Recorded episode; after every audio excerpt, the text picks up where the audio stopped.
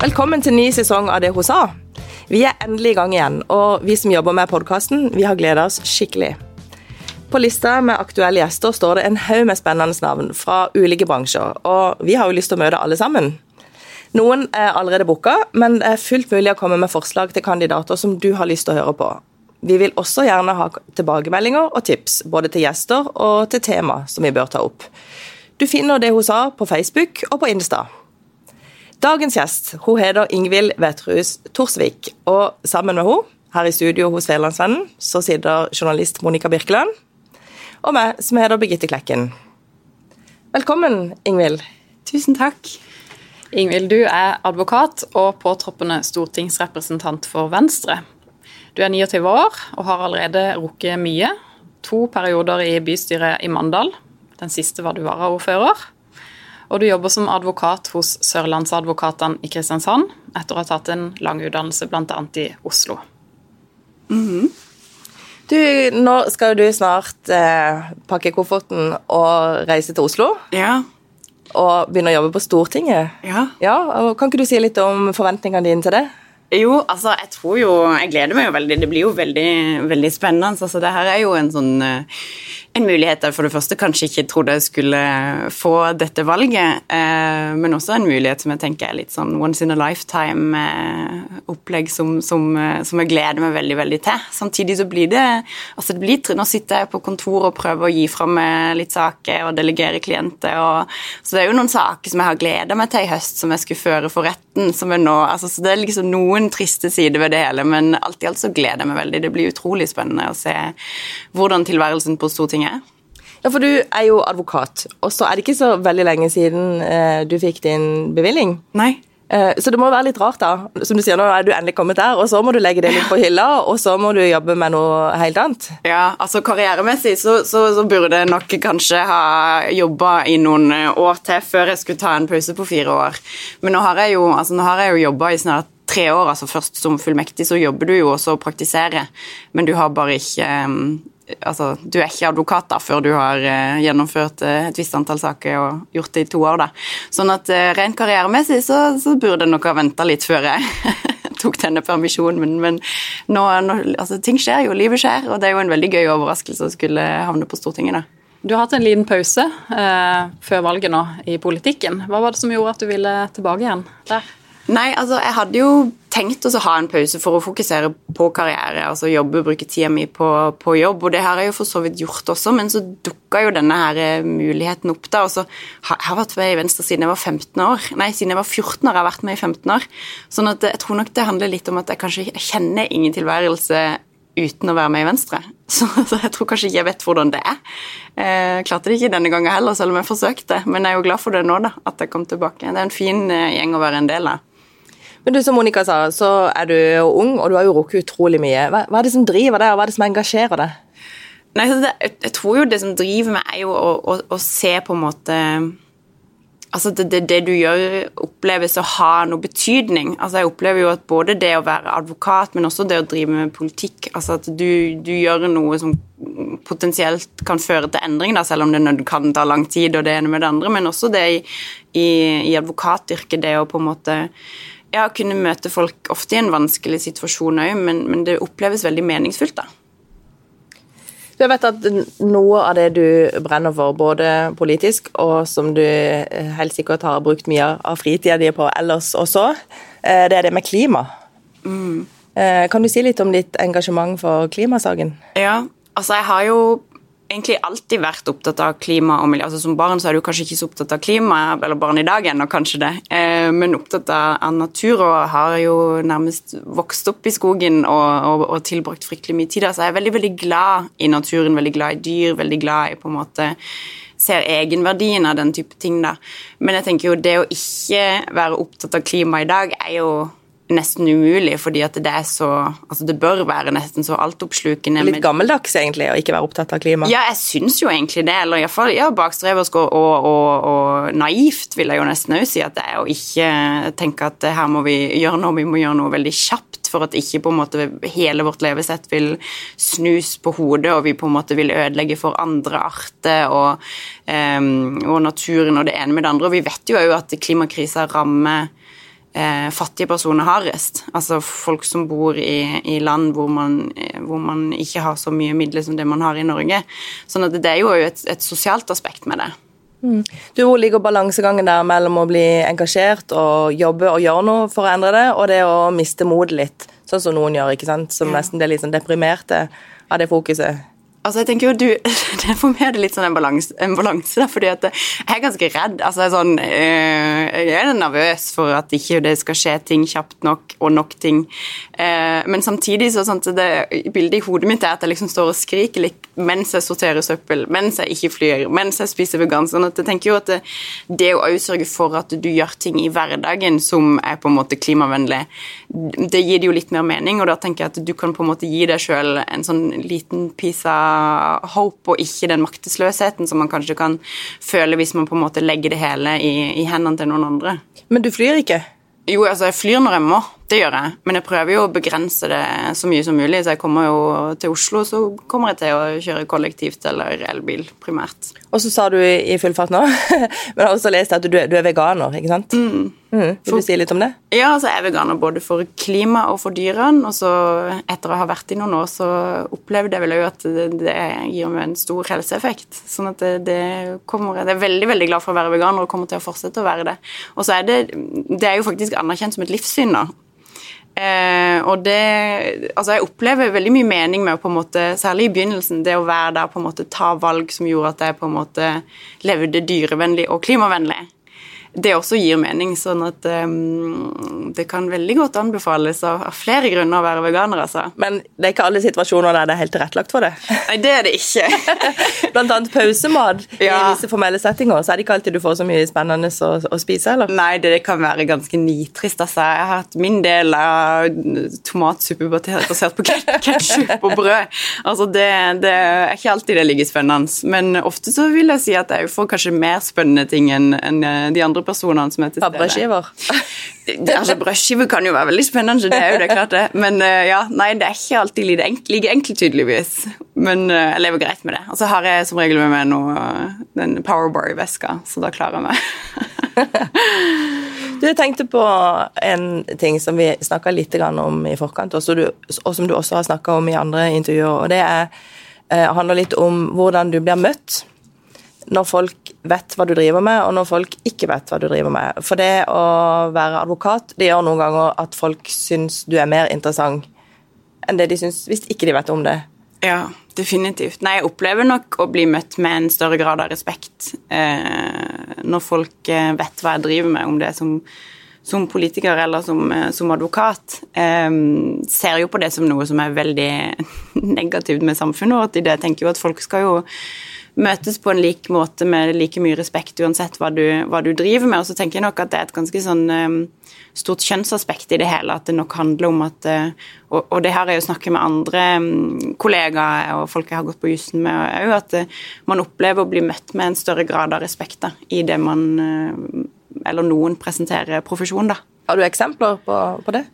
Ja, altså jeg har jo blant annet um, en, en, advokat som jeg kjenner som tidligere arbeida Hadde en annen profesjon, da. Uh, og som etter at hun ble advokat, opplevde å bli møtt på en, altså en fundamentalt annerledes måte i sosiale settinger. Uh, høfligere, folk var høfligere, folk var mer interessert i å prate med henne. altså Folk viste henne mer respekt. Uh, og sjøl òg så har jeg jo et litt sånn morsomt eksempel da med en fyr jeg møtte som som han hilste på, og så var det noen som nevnte da, en, en voksen mann, jeg var vel sikkert i begynnelsen av 20-årene, og så var det noen som nevnte det, ja, Ingvild er varaordfører i Mandal, og sier han å nei, men da må jeg jo hilse på det på nytt og gjøre det på en ordentlig måte, for det hadde han jo ikke da gjort i første omgang når det bare var med. Hvordan reagerer man da? Nei, altså, jeg tror, jeg tror, nok jeg ble litt sånn satt ut, sånn at jeg fikk liksom eh, Det kan godt hende at jeg i større grad i dag hadde klart å eh, komme med en kommentar på det, men jeg er sikker på at det himla med øynene eller et eller annet sånt som man ikke fikk med seg det. Men uh, det er jo idiotisk. Det er jo bare kjempe, kjempeteit å oppføre seg sånn. Alle må jo på en måte Mitt, mitt utgangspunkt er iallfall at jeg møter folk likt uansett hvem de er.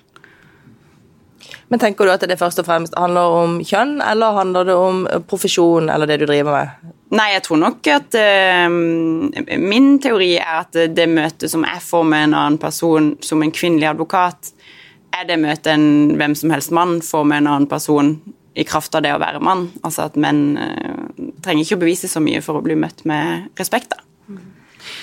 Du, Hvordan står det til med likestillinga i advokatbransjen? Nei, du, det er jo litt, uh, litt, av hvert, for å si det sånn. Altså, nå begynner vi jo å bli 70% kvinner på studiet, da. Eh, men da, da, begynner det jo iallfall å bli merkelig at det er så få kvinnelige partnere i forhold til mannlige partnere, at det er så store lønnsforskjeller som det det faktisk er i de samme sektorene. Statlige ledere også er jo i større grad menn i, i jussektoren, selv om vi selvfølgelig har en veldig dyktig høyesterettsjustitiarius, da. Uh, men, men, men, tallene taler ikke til vår fordel. Jeg leste jo nylig en studie som de hadde gjort i USA med disse høyesterettsdommerne, hvor det var nesten 70% av avbrytelsene var retta mot de tre kvinnelige høyesterettsdommerne. Altså det var jo da Ruth Bader Ginsburg også levde.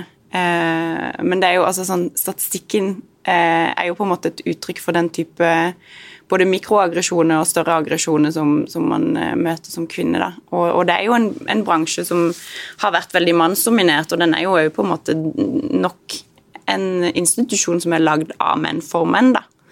Men jeg ser jo at eh, det er et fokus på, iallfall i, i, i, moderne firmaer, å se hvordan man i større grad kan tilrettelegge for at også Eh, kvinnene får de høyere posisjonene. Mitt firma, det firmaet jeg jobber for, Sørlandsadvokatene, der er vi nesten 50% menn og kvinner. Og det tror jeg har en veldig, veldig stor, stor verdi, altså. Du, har du um, sjøl altså, Er du sjøl med på å, å, gjøre noe, tenker du, for, for å endre det? Er det, du, er det noe du kan gjøre? Ja, så jeg tenker jo at vi alle eh, altså Det er jo en sånn litt sånn sammensatt greie hva du kan gjøre. En ting du kan gjøre, er jo å være bevisst og engasjere deg. og um, Jeg pleier jo å være ganske så nøye på altså Hvis jeg har vært ute og møtt en mikroaggresjon eller et eller annet sånt så, Men du må si det med mikroaggresjon. Hva, hva ja. mener du med det? Altså at Det kan være at, at noen uh, sier noe til deg som kanskje er, har bakgrunn i noe som jeg skjønner, men som er på en måte Det er så lite at det er vanskelig å pinpointe. Eh, altså Du kan ikke arrestere dem på det nødvendigvis. Men, men du sjøl har du en sånn kjekk, så tenker du å, mikroaggresjon. Ja. ja. Eh, og det kan jo være på så mangt. Altså det kan jo være på kjønn, på etnisitet, på, altså på en hel haug med forskjellige årsaker til at det skjer. da. Men da pleier jeg å være ganske nøye på å ta det tilbake til kontoret og fortelle eh, spesielt mine mannlige kollegaer om eh, hva som har skjedd. Og jeg tror nok kanskje at det å bevisstgjøre folk på det også gjør at man i større grad eh, ja, kan hindre at, at det, det, skjer mer av det. da. Ellers tenker jeg jo at det å ja, engasjere seg, ta rolle som uh, Ta plass, ta rolle, tørre å være ambisiøs, at det også er en viktig del av kvinnekampen. Og så tenker jeg at det er ekstremt viktig å sørge for at man uh, tar med seg andre folk, spiller andre folk gode. Um, og i det man eh, kanskje sitter i en posisjon, det gjør ikke jeg akkurat nå, men hvor man skal ansette folk og, og den type ting, gi folk muligheter, at man eh, sørger for å se litt eh, kjønner på det også, da. Men du Ingvild, du, du sier at du er feminist. Mm -hmm. uh, og når vi snakka litt om det i forkant, så sa du ja, men alle du kjenner er det? Ja, jeg vet ikke om det er fordi at jeg lever i en veldig sær boble, eller hva jeg gjør, men, men, alle i familien min, alle vennene mine altså Jeg har vel ingen som ikke er feminister i min omgangskrets. Eh, så det er heller ingen som stusser over at jeg er feminist. Så det er jo en veldig sånn eh, jeg syns det er en veldig behagelig situasjon. Men På hvilken måte målbærer du at du er feminist? Er det, handler det om at du går i tog, eller handler det om at du er bevisst på å snakke om disse tingene som du sa i stad, med mikroaggresjon og dette her, eller ja. på hvilken måte utøver du det å være feminist? Nei, altså Det vil jo variere fra person til person, men jeg synes jo altså det at folk kaller seg feminist, det er jo en, en greie i seg sjøl. Noen syns jo det er et, et, vanskelig ord å, å vedkjenne seg. Eh, men nå kjenner jeg jo altså ingen som syns det er et vanskelig ord å vedkjenne seg. Men det handler jo om å ha et fokus på det, om det å, å være en alliert da, på et vis. Jeg ønsker jo å være alliert eh, altså knytta til folk som møter andre typer diskriminering, da. Som sagt så mener jeg jo at vår plikt som feminist er å jobbe interseksjonelt, altså det å se Eh, også etnisitet, kultur, funksjonsevne eh, under ett, og at vi på en måte har en plikt til å også få med oss det som skjer der, av den type diskriminering. Eh, men det er jo sånn du må lære, fordi jeg, jeg, vet jo ikke hvordan det er. Så jeg må jo bli fortalt det. Ja, jeg lurer på om det der er en generasjons ting. For nå er jo jeg noen år eldre enn deg, og før var det litt sånn at hvis du var feminist, så ble du veldig sånn, tydelig putta inn i en, en rolle. Jent? og da var det nesten sånn at du skilte deg litt ut. Å ja, feminist, ikke sant. Men nå tror jeg, hvis jeg forstår deg rett, og sånn som jeg på en måte leser samfunnet, så er den oppvoksende generasjon av intelligente, eh, engasjerte kvinner og menn, de er det. Ja. I, I, mye større grad, og det er en mer sånn naturlig del av det å være et samfunns, ja, samfunnsengasjert menneske. Vi hadde jo en liten prat i forkant, ikke sant, og der eh, der sa du litt om, eh, om, at du har aldri vært redd for å eh, prøve noe nytt eller eh, satse eller Ja, det, det, er egentlig ikke noe du gruer deg til nå? Nei, det koster meg ikke så mye. Du var aldri redd for å ta ordet, sa du? Nei, det er ikke sånn at jeg er nervøs før jeg skal i debatt eller nervøs før Jeg husker jeg, husker jeg var nervøs første gang jeg skulle i retten, men, men jeg blir ikke så Det er jo fint for meg, liksom, men jeg blir ikke så veldig nervøs av sånne ting. da. Men er det noe du har lært deg, eller er det noe som på en måte bare Sånn er du som person? Jeg tror nok det er kanskje litt begge deler, men jeg tror jo det kommer av erfaring at du ser liksom Ja, ja, men du dør ikke. Eh, eller hva, hvor ille hva er, Har, har du tabba deg noen ganger sånn når du har stått på talerstolen? Ja, ja, ja, og det gjør jeg jo hele tida. Jeg gjør jo kjempemange teite, dumme ting hele tida.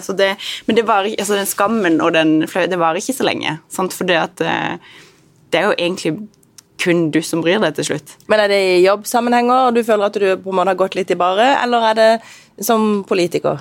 Nei, kanskje i større grad som politiker på jobb, så eh, er jeg så gjennomforberedt. sånn at der, der Så det er kanskje et stikkord, akkurat det med å være skikkelig godt forberedt for ja, å ikke være redd? Ja, og det, det, har du nok veldig rett i, for det, det, gir meg nok også en sånn trygghet. Altså det, Hvis jeg skulle inn i en situasjon hvor jeg var ikke forberedt og skulle inn i noe jeg ikke visste noe om, så ville jeg nok ha vært nervøs. Men var du f.eks. nervøs før du skulle inn og treffe oss i podkasten? Nei, det var jeg ikke. Nei, det, for dette er jo hyggelig, og her er det jo på en måte visste vel at dere ikke kom til å stille meg så veldig til vegg, så Du sa noe i går om at nei, du trodde nesten du hadde litt sånn mannlige gener. Ja. Hva mente du med det? Altså, det er jo mye som tyder på at det er sånn at eh, kvinner kanskje nedvurderer sine evner. Altså, du tør ikke søke på en jobb fordi du ikke har Kanskje du, du sjekker åtte av ti bokser, da. Mens en mann ville kanskje søkt på samme jobben hvis han sjekka fem av ti bokser. Eh, det er jo en, altså en antakelse jeg har, da. jeg kan ikke backe det opp med noe forskning. Men jeg er vel kanskje mer som den mannen da, som sjekker fem av ti bukser, så tenker jeg ja, ja, men da, da prøver vi. Også, ja. Hvordan vil du bruke det, den egenskapen nå eh, videre inn på Stortinget, tenker du? Nei, altså jeg tenker jo at det å tørre å ta risiko, det å prøve, tørre å på en måte prøve litt, feile litt, det er jo en fin ting å kunne gjøre i, i de fleste situasjoner, vil jeg påstå. Altså det å på en måte Det det handler om til slutt, tror jeg jo er at eh, man kan ikke ta ting så tungt, da. Man må prøve å gi litt, eh, gi litt faen, hvis det er lov å si. Eh, og det tror jeg nok ligger litt til min person å gjøre, samtidig som at jeg, sant, jeg vet at det alltid er safe. Det er ikke noe som kan gå så galt at det velter, at det velter hele livet mitt, på en måte. Jeg har alltid noe å komme tilbake igjen til.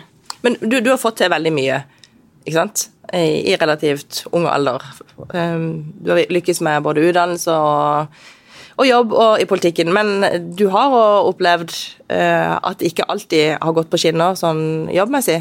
Ja, altså min, min første ordentlige jobb da som fullmektig, det, det kan vel sies at det, det var ikke så veldig vellykka. Da var jeg i et firma som um, etter min mening da ikke hadde stort nok klientfokus, altså ikke satte klientens beste i fokus og hadde mer fokus på det å, å tjene penger, og så var det et dårlig arbeidsmiljø. Altså. Du trivdes ikke der? Nei, det var, det var helt forferdelig. Altså, jeg, ble, jeg, tror jeg ble kalt for dum nesten hver dag. Men hvis andre skal lære noe av måten du håndterte det på, kan du si litt om, ja. uten at du trenger å gå i detaljer om akkurat det firmaet, men litt om mm. hvordan du tenkte og liksom, hva, hva, du gjorde for å komme ut av det, for å gjøre noe med det? Ja, Nei, så Jeg var der jo ikke så lenge, og det tror jeg jo handler om at da, da hadde jeg på en måte allerede med meg en erfaring som tilsa at eh, jeg tørte å tenke at ok, det er ikke meg det er noe galt med nå, jeg tror det er denne arbeidsplassen her det er noe galt med. Så det jeg gjorde da, var at jeg var nøye på å si fra underveis dette syns jeg er ugreit, og så ba jeg også om et møte hvor jeg sa Eh, fortalte sjefen min da, de tingene som jeg ikke kunne leve med, hva jeg syntes var galt med det, og så sa jeg men nå ser vi om vi kan fikse det, og så ga jeg på en måte sånn okay, en, en, frist på å prøve å gjøre det.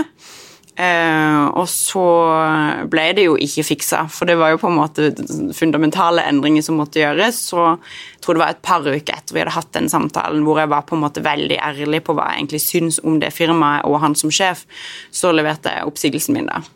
Men hvis det sitter andre og hører på nå, som er i en bedrift hvor de ikke trives med måten det drives på, eller ja, ikke med sjefen sin eller eh, arbeidsoppgaver. Hva, hva, er det beste rådet du vil gi til de for at de skal forandre situasjonen? Altså jeg tenker jo at det handler om, altså Du må si fra. Det er jo, det, enten, så, altså enten, så, fører det til endring, eller så fører det ikke til endring. og Du er såpass mye på jobb i løpet av livet ditt at eh, det å sitte et sted som man ikke trives, eh, og iallfall i den situasjonen hvor hvor det er liksom usunt for den mentale helsa di, så, så, tenker jeg jo at det er riktig å begynne å kikke seg om etter noe annet, i alle fall. Og det gjorde jeg jo først òg, jeg, jeg, visste at jeg hadde et sted å gå i det jeg slutta. Eh, sånn at eh, Men gjør noe med det, iallfall. Ikke bare sitte og vente og tenke at det skal bli bedre. For det, det blir det ikke hvis ikke man aktivt går inn og prøver å endre på ting der. Og, ja, Unnskyld, Monica, din tur. Du, nå, eh, du har jo jobba både i Kristiansand og flere andre steder også, i andre byer. Men eh, hva er forskjellen på arbeidslivet på Sørlandet, sånn som du har opplevd det, og andre steder du har vært? Altså, Jeg tror jo, jeg syns jo det er generelt hyggeligere på Sørlandet. og at folk kan, altså, Jeg tror advokatkollegiet er triveligere her. altså Man er triveligere med hverandre på tvers av firmaet. og det, det kan godt ha noe å gjøre med at det er et såpass lite sted at du kommer alltid til å møte Du skal møte de samme advokatene i retten 100 ganger, liksom. Eh, sånn at kanskje det er fordi du kjenner hverandre litt bedre enn sånn, da, men jeg tror jo òg det er en mindre sånn streberkultur på Sørlandet. Og det liker jeg litt. Jeg skal, jeg skal, gjerne slippe å være så strebersk og stå opp klokka seks for å trene og um, hele den pakka der. sånn at jeg, jeg tror det er på en måte det å se verdien i andre ting enn bare jobb også. altså Det se viktigheten av å være ute i naturen eller å gjøre hyggelige ting. Plukke sopp. altså sånn, Den type ting føler jeg at det er kanskje mer rom for her. da. Det ser du på som positivt? 100 altså det, ja, det Er det noe av grunnen til at du flytta til Kristiansand igjen? Ja, så Jeg har alltid visst at jeg skulle tilbake til Sørlandet. Spørsmålet var vel egentlig bare når. Som en god, som en god sørlending. ja, ja, ja, Så, ja. så det, det, det, var, det var bankers at det skulle skje. Men jeg er jo er veldig veldig glad for at jeg gjorde det så tidlig som jeg gjorde det. Og så nå skal du tilbake til Oslo igjen? Ja, Men jeg skal pendle, da. Du skal pendle. Ja, Så jeg skal nå være hjemme så, så mye som mulig, da. Du tenkte på en ting som vi bare må innom før vi skal begynne å runde av, og det er det med lokalpolitikken. Mm. Eh, nå har vi jo hatt en periode i Kristiansand hvor det har vært kjempetøft. Det har vært et tøft debattklima. Eh, og kanskje har kvinner og yngre opplevd det enda tøffere enn de som er mer drevne. Um, du har jo vært varaordfører, og du har etter hvert ganske mye erfaring fra uh, lokalpolitikken. Uh, hvordan har du håndtert det, og har du opplevd at det har vært mye mm, hets eller kommentarer?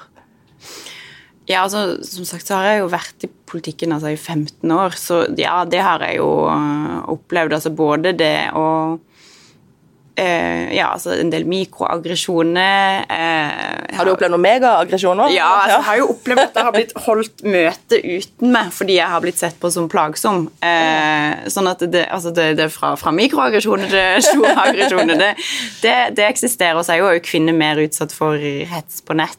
Og, og, så er det jo et, et, et trygghetsaspekt i det hele òg, som gjør at du er, du er mer utsatt som, som kvinne, og det, det har jeg jo absolutt opplevd. altså både hets, eh, trakassering eh, både på internett og face to face, eh, seksuell trakassering. altså Det er ganske mye du skal hanskes med som kvinne i politikken, og kanskje som, særlig som ung kvinne i politikken. da. Men Har du noen eksempler på, på, det, og på hva du gjorde med det? På type trakassering? Ja. Mm -hmm. Nei, så For meg så er det viktig å, å altså si at det er på internett, da, så er det viktig å, å, kollektivisere det.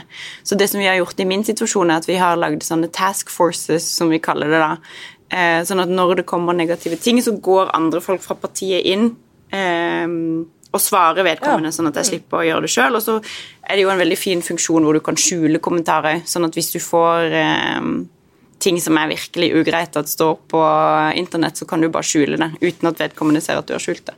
Så det finnes jo mekanismer på å, å skulle gjøre det, og, og, jeg tenker jo at den største faren med å få mye sånne kommentarer er ikke nødvendigvis altså Jeg tror ikke sjøl at jeg er dum, selv om jeg får høre sikkert fire ganger i måneden at jeg er dum på internett.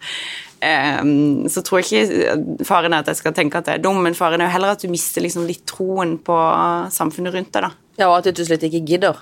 Ja, definitivt. Altså, det er jo en ekstrakostnad, og særlig for kvinner, eh, det å skulle stå i det. Og den typen hets som kvinner også opplever, er jo ofte mer graverende enn den typen som, som menn opplever, med mindre man er da f.eks. en etnisk minoritet som mann. Da tror jeg nok også man eh, kan oppleve ganske mm, heftig, heftig hets, da. Men som advokat så treffer du folk i alle slags livssituasjoner, og du skal også representere alle mulige slags folk. Mm. Og så kommer jo du på en måte fra den vellykka sida. Hvordan klarer du å sette deg inn i, i situasjonen til, til, mennesker som er totalt annerledes, som, som kanskje representerer akkurat de som mener f.eks. å skrive disse kommentarene, eller um, ja. Nei, altså jeg tenker jo altså Alle skal møtes med respekt. Uansett uh, hva noen mener du har gjort, eller hva du har gjort. Så tenker jeg jo at det, vår jobb som forsvarere og som bistandsadvokat er jo å sørge for at man får et rettferdig møte med systemet. Sånn at uh, det, det, det, handler jo egentlig bare om at folk skal få sine menneskerettigheter ivaretatt. Og det er jo òg noe av det som jeg beundrer egentlig Ja, spesielt kanskje forsvarere for, da, at man på en måte klarer å se sin rolle i systemet, ikke tenke 'hva har denne personen uh, gjort', men hvordan kan vi ivareta rettighetene for denne personen uansett. Og det er jo det som er en av de store verdiene med Norge som samfunn, tenker jeg òg, at vi faktisk ja, har en tanke om at, uh, at, folk skal kunne endre seg. Altså Vi straffer ikke bare for å straffe. Vi, vi, vi skal jo på en måte prøve å bistå til at folk kan komme ut i samfunnet på en god måte igjen. Da. Du har ett spørsmål til før vi går på det faste, og det dreier seg om Stortinget. For det er jo superaktuelt nå. Ja. Eh, hvordan vil eh, de andre på tinget merke at eh, du har kommet inn? Altså, jeg tror jo at Nå skal jo Venstre sitte i opposisjon. Den gruppa eh, altså det er en veldig, Jeg er veldig fornøyd med den gruppa som vi har fått eh, for Venstre. sånn at jeg tror jo at man kommer til å merke at vi altså Noe av det første vi skal gjøre, er jo å bringe tilbake igjen et forslag om rusreformen.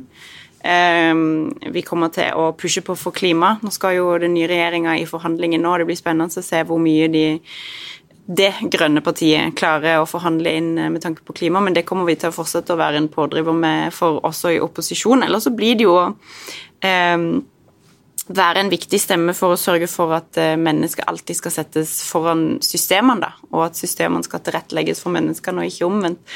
Så det er jo iallfall ambisjonene for det vi skal prøve å få til i, i gruppa vår, da. Ja, det blir spennende, spennende å følge det. Du, skal vi rett og slett kjøre på fem kjappe, Monica? Ja, det kan vi gjerne gjøre. Skal vi se. Eh, du, Vi var litt innom at du har jobba forskjellige steder i stad. Eh, hvilken jobb eh, kunne du ikke tenke deg å ha? Oi, hvilken jobb jeg ikke kunne tenke meg å ha? Det er sikkert veldig mye gøy med mange jobber. Jeg kunne ikke vært slakter. Det kan jeg bare Det, det hadde jo ikke gått. det er jo ganske forståelig med din veganerstatus. Ja. Slakter. Ja. Mm. Du, hva må du ha hver eneste dag på jobb? Eh, eh, kaffe. Akkurat nå så må jeg jo ha snus. Det er en last som jeg har eh, lagt på meg i valgkampen, som jeg har store ambisjoner om å prøve å endre. Eh, hva var det siste du leste? Det siste jeg leste, er vel en sånn eh, fantasy-serie som heter Accord Off så nå er jeg på bok to. Veldig veldig spennende serie om eh, noe alve og noe eh, forskjellige courts. Som er ganske langt unna hverdagen din. ja, ja, ja. Fantasy er bra sted å være. Ja, og så sånn litt sånn teit spørsmål, men hva må du ha i veska di? Eh, penn og papir. Jeg noterer mye. Eh, og når jeg ikke har det, så har jeg det på mobilen, men jeg bruker ja, ting må noteres ned. Hvis ikke så har de aldri eksistert.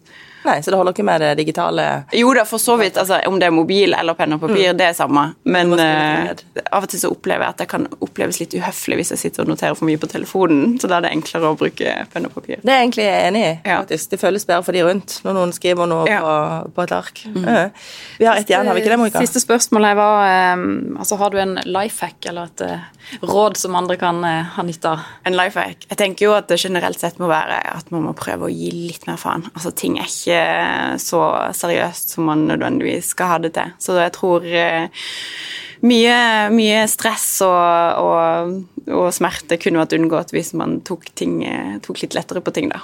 Mm. Så har vi en annen fast post, og den handler om fremsnakking. Det er egentlig litt sånn vår, vårt lille bidrag.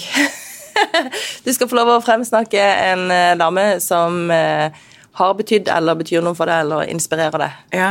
Altså, jeg, jo, jeg har jo altså så mange damer som inspirerer og inspirerer meg hver eneste dag, men akkurat nå så vil jeg trekke fram Oda Pettersen fra Miljøpartiet. Hun har gjort en helt insanely god valgkamp. Altså, hun har stått på, hun har vært flink, hun har vært uh, utrolig um, dyktig på å komme på i pressen, vært flink til å være overalt. Jeg har sett henne så mange steder og gjort det på en måte med et smil om munnen, så hun er så imponert over, og jeg er helt sikker på at hun kommer til å, å gjøre en utrolig spennende karriere i politikken. Og Kjempegode debatter. Ja, helt mm. utrolig. Og, og, Kristiansand er veldig, veldig heldig som, som har henne, altså. Ja, så en liten shout-out for Oda Pettersen. Ja. ja, det er bra. Du, eh, Ingvild Vetterhus Thorsvik, tusen takk for at du tok turen til Fjellandsenden og, og det hun sa. Kjempehyggelig å få lov å komme. Tusen takk. Du har lytta til Federlandsvennens podkast 'Det hun sa' med Birgitte Klekken. Har du tips til andre bra damer vi bør snakke med, eller har du lyst til å dele inspirerende erfaringer fra ditt arbeidsliv? Ta kontakt på dethosa1fun.no.